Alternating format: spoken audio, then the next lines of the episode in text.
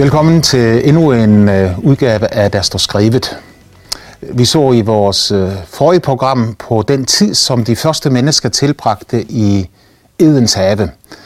Det var en, en tid, hvor, hvor nøgleordet for denne tidsperiode er uskyldighed. For det er den eneste gang i menneskets historie, hvor mennesket har levet i en fuldkommen uskyldighedstilstand. Det vil sige, at der var ingen øh, synd, der var ingen sorg, der var ingen tårer, der var ingen sygdom, der var ingen ondskab, der var ingen forbrydelser. Men mennesket levede i et fuldkommen fællesskab med Gud og med hinanden, med naturen og med alt omkring sig. Dyb fred og glæde gennemtrængte hele menneskets tilværelse. Indtil det øjeblik, som vi så på i vores forrige program, hvor mennesket faldt i synd, hvor syndefaldet blev en realitet, og hvor mennesket oplevede, at det, som Gud havde sagt, den dag du spiser af træet, skal du dø, at det blev en virkelighed for mennesket. Ikke på den måde, at mennesket døde øh, rent fysisk den dag, for vi så også på sidste gang, at død i Bibels betydning altid betyder adskillelse. At to ting bliver skilt fra hinanden og ikke længere er sammen. Øh, sådan er den fysiske død, når menneskets indre væsen forlader kroppen, og kroppen ligger tilbage, men sjælen og ånden lever videre. Den dag mennesket spiste af træet, døde det åndeligt, mistede fællesskabet med Gud, og i samme øjeblik som mennesket syndede, vågnede samvittigheden op i menneskets indre. Øh, det står skrevet på den måde i Bibelen, at øh, mennesket så, at det var nøgen. Det opdagede, det følte, det mærkede, at situationen var blevet anderledes. Den samvittighedens røst, som er derinde i menneskets indre, betegner den tid, som gik efter, at mennesket var blevet uddrevet af Edens have. Vi kalder denne tidsperiode for samvittighedens tidsalder, fordi at øh, i denne tid, så havde mennesket endnu ikke en nedskreven bibel, der var ikke ti bud, der var skrevet på stentavler med Guds finger, og der var ingen regler og bud og anordninger, som var normen, som mennesket skulle følge. Øh, det eneste var den røst, som kom indefra. Øh, den røst, som på øh, mange måder kan beskrives som resten af gudsbilledet i menneskets indre. En røst, som steg op indefra, og som fortalte mennesket, hvad der var rigtigt, og hvad der var forkert. Paulus han taler om denne røst i det nye testamente, når han i Romerbrevet, det andet kapitel, øh, siger, det på sådan, siger det på denne måde her, at øh, når hændinger, som ikke har loven af naturen, gør, hvad loven kræver, så er de uden at have loven sig selv en lov. Det viser jo, at den gerning, som loven kræver, står skrevet i deres hjerter. Altså ikke skrevet på stentavler og ikke skrevet i en bog, men den stod skrevet i deres hjerter. Øh, I det deres samvittighed vidner der om, og tankerne indbyrdes anklager eller også forsvarer hverandre. Og når Paulus han siger det på denne måde her, så giver han til kende, at der er denne kraft i menneskets indre, som vi almindeligvis kalder for samvittighed. Man har også kaldt denne kraft for naturloven, øh, fordi at man mener, at det er en øh, universel lov, som ligger i alle menneskers indre, uanset hvor på jorden de er født, uanset hvilken tidsalder de er født i, om de er født øh, i rigdom eller i fattigdom, øh, så er der en, en røst i menneskets indre, som ligesom bestemmer, hvad der er rigtigt eller hvad der er forkert. Øh, på samme måde som mennesket er undergivet de fysiske love, de biologiske love omkring os, sammen med hele skabningen. Og, disse love øh, er love, man ikke bare kan bryde, uden at det har en eller anden konsekvens. På samme måde har mennesket også en lov i sit indre menneske, som er naturloven.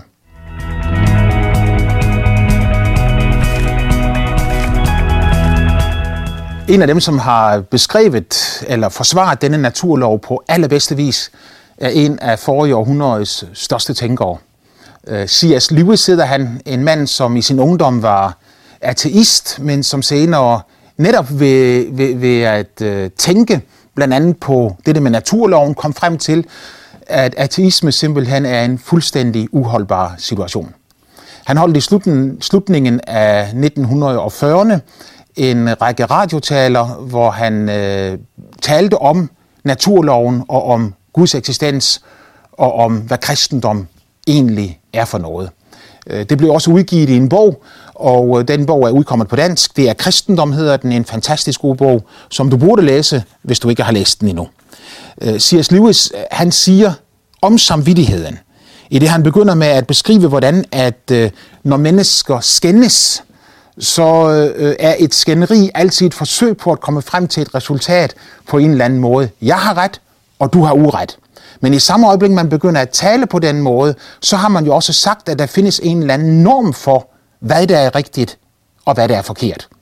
Og at det øh, besynderlige, siger C.S. Lewis, det er det her, at øh, mennesker, det virker som om mennesker alle vegne faktisk er enige om denne norm, hvad der er rigtigt og hvad der er forkert. Øh, det høres ved, at mennesker for eksempel siger, når du gør noget mod dem, det er ikke fair, det du gør eller de prøver på at forsvare deres øh, øh, forkerte handlinger øh, på den ene eller den anden måde. Men i det øjeblik, man prøver på at forsvare, eller i det øjeblik, man siger, at det ikke er fair, så har man i samme sekund refereret til en eller anden regel eller, rettesnor. Den regel eller rettesnor er ikke noget, som er tillært hos det enkelte menneske, men det er noget, som i, i øh, grunden ligger inde i mennesket, og vi kalder det for samvittigheden samvittighedens røst eller naturloven. Og det er jo kun fordi, man er, er enige om en eller anden form for anstændig opførsel, at man i det hele taget kan diskutere og tale sammen om, hvad som er rigtigt og hvad som er forkert. Øh, når vi taler om naturloven almindeligvis, så vil de fleste mennesker tænke på tyngdeloven eller biologiske love. Men når vi taler om naturloven eller samvittighedens røst i menneskets indre her, så taler vi om en anden kraft, øh, tyngdeloven, biologiske love, er vi nødt til at adlyde. En hver genstand, der bliver sluppet i luften, falder til jorden med usvigelig sikkerhed. Men naturloven er den ene lov, som mennesket selv kan vælge, om det vil adlyde eller ikke. Så de biologiske love, naturlovene, tyngdekraften og alle de love omkring os, dem har vi fælles med alle andre skabninger på jordkloden. Men naturloven, det er den ene lov, hvor vi selv bestemmer, om vi vil adlyde den eller ikke. Altså den lov, som er særegen for menneskets væsen. Netop fordi mennesket blev skabt i Guds billede, og derved er anderledes end alle andre levende skabninger.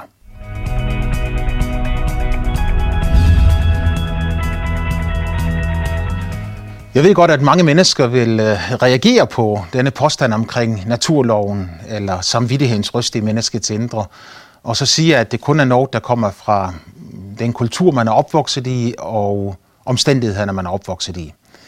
Øh, men selve historien viser os jo, at der aldrig nogensinde har været et samfund, hvor man har anset det at gøre ondt imod dem, der har været gode mod en, som noget fordelagtigt eller flot.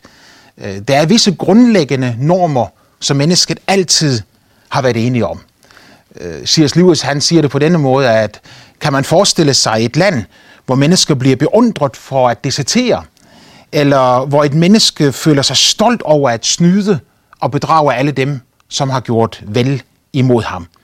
Så kunne man lige så godt forestille sig et land, hvor 2 plus 2 er 5. Og det er jo ganske enkelt fuldstændig utænkeligt.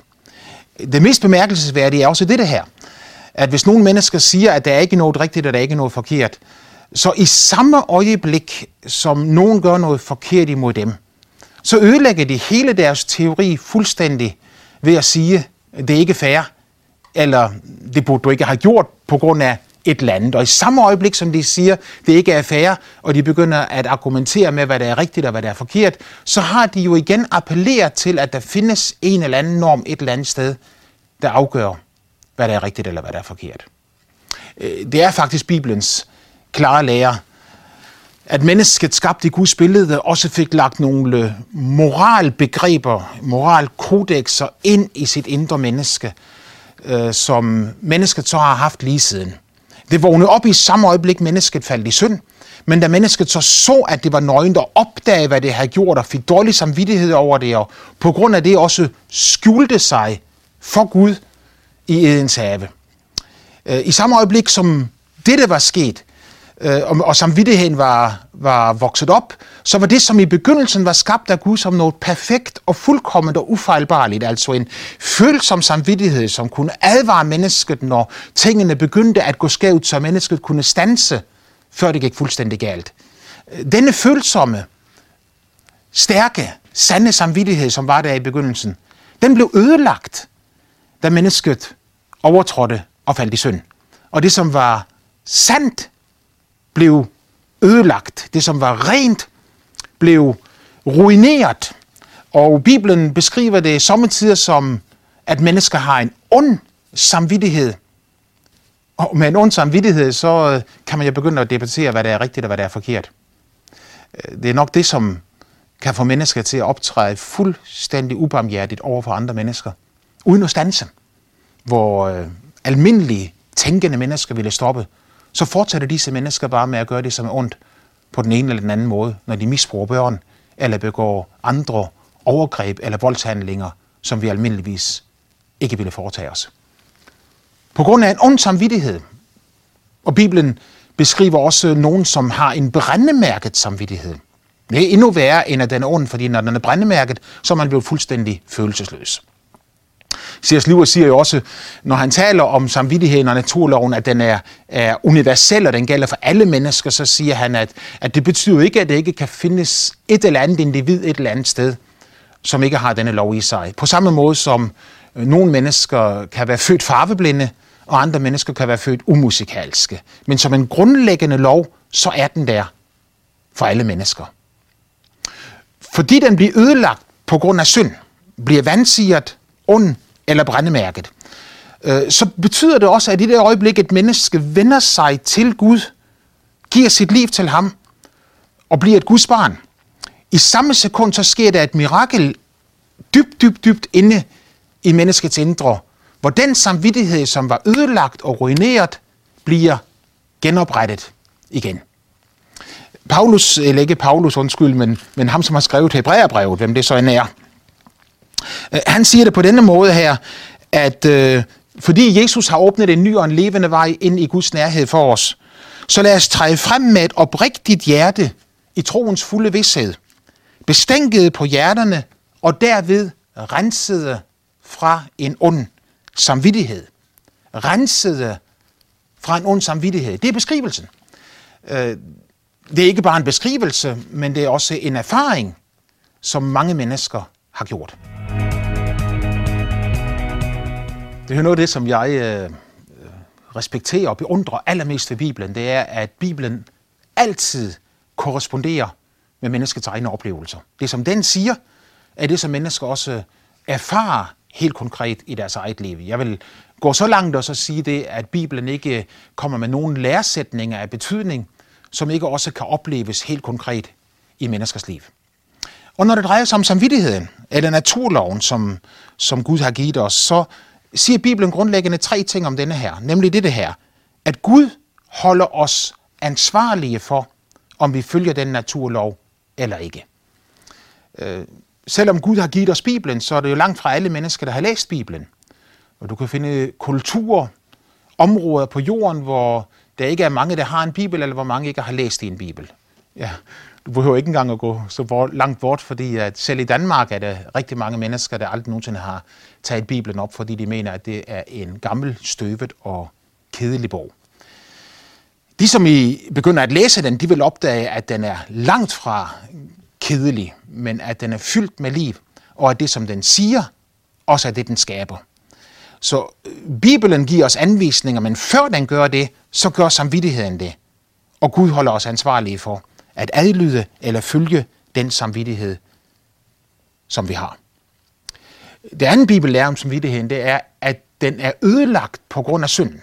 Så den følsomhed og øh, øh, skønhed, der var i samvittigheden helt fra begyndelsen af, den blev ødelagt, da synden kom ind. Og det tredje Bibelen lærer os, det er, at når et menneske tager imod Jesus Kristus som sin personlige frelser, når et menneske beder ham om tilgivelse for sin synd, tager imod ham ind i sit liv, så sker der i samme øjeblik et mirakel.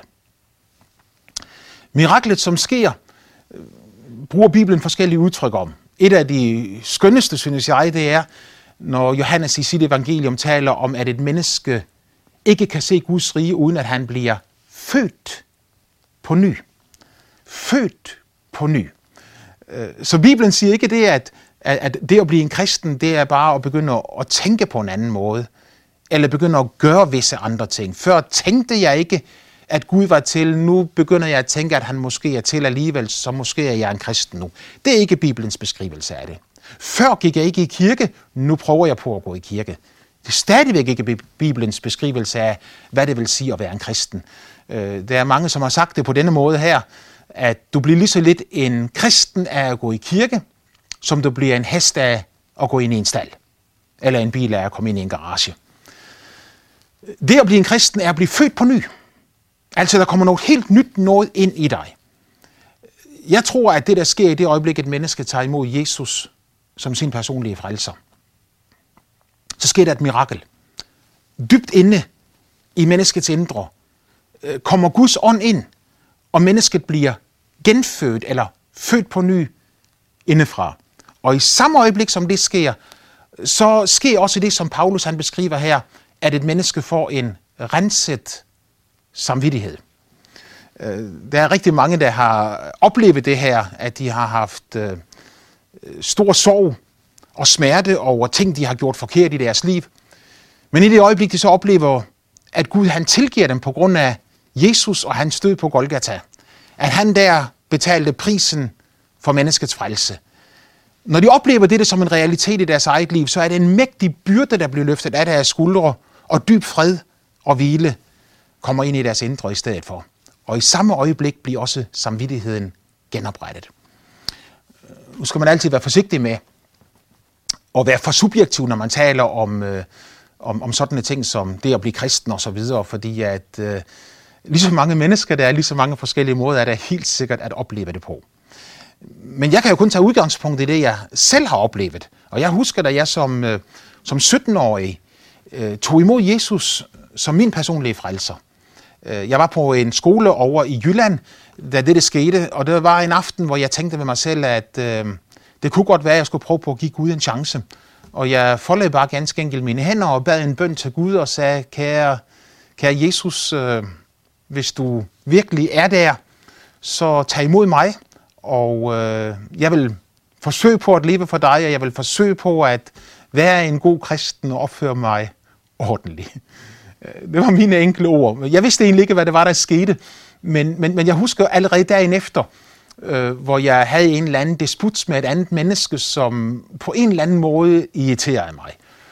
Og øh, jeg husker, at jeg råbte efter det menneske, og i det øjeblik, jeg råbte efter det menneske, så kom der også et bandeord ud over mine læber. Og det, som chokerede mig selv, var, at før jeg kunne nå at tænke, øh, så var min hånd oppe og slå på min mund.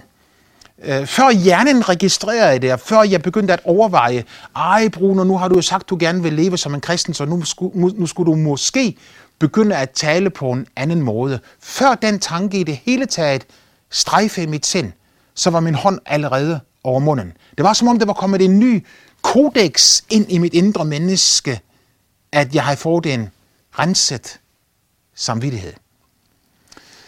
Jeg tror, Gud giver det til hvert menneske, som tager imod ham og at et hvert menneske øh, næsten kan blive vasket rent som et nyfødt barn, få en ny samvittighed lagt ind i, ind, ind i sit indre. Og så er det selvfølgelig op til mennesket selv, om det vil adlyde denne samvittighed, eller om det ikke vil det. Hvis det adlyder denne samvittighed, så vil mennesket også opleve, at det kan leve i en dyb fred med sig selv, øh, i dyb fred med, med Gud, og det vil opleve, at samvittigheden hjælper ham til at tage de rigtige beslutninger på alle måder.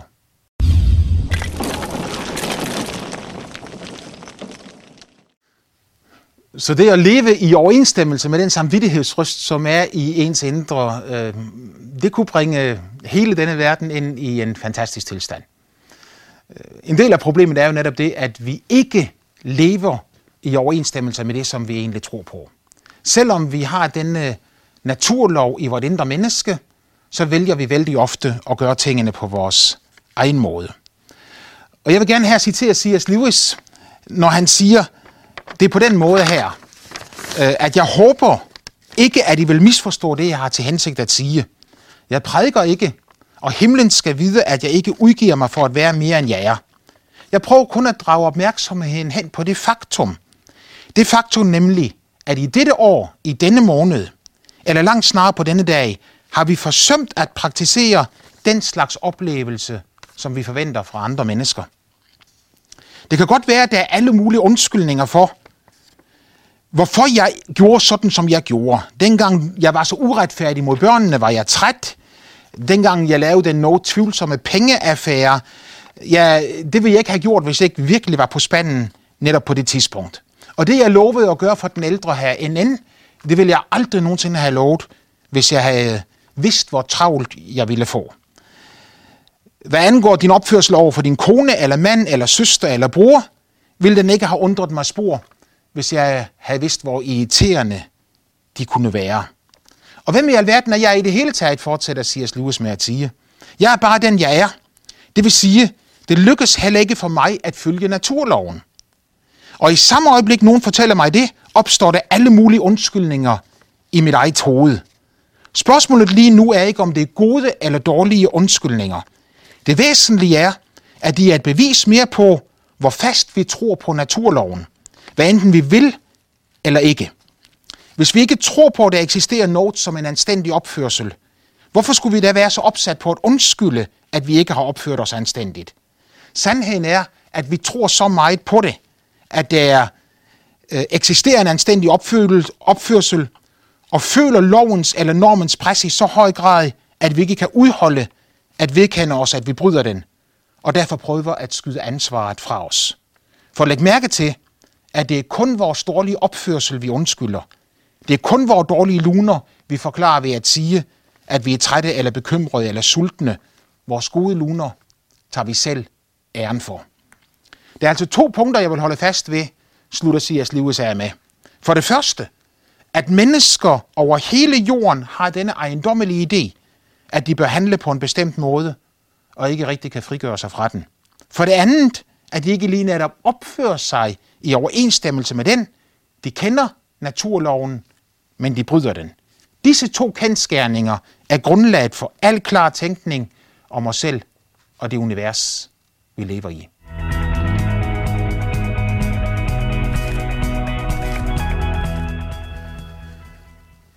Så når mennesket forlod ens have, så var det altså en helt ny tilstand, verden befandt sig i. Øh, mennesket var faldet i synd, og øh, den synd den begyndte at vokse op med det samme og vise sig i deres indre.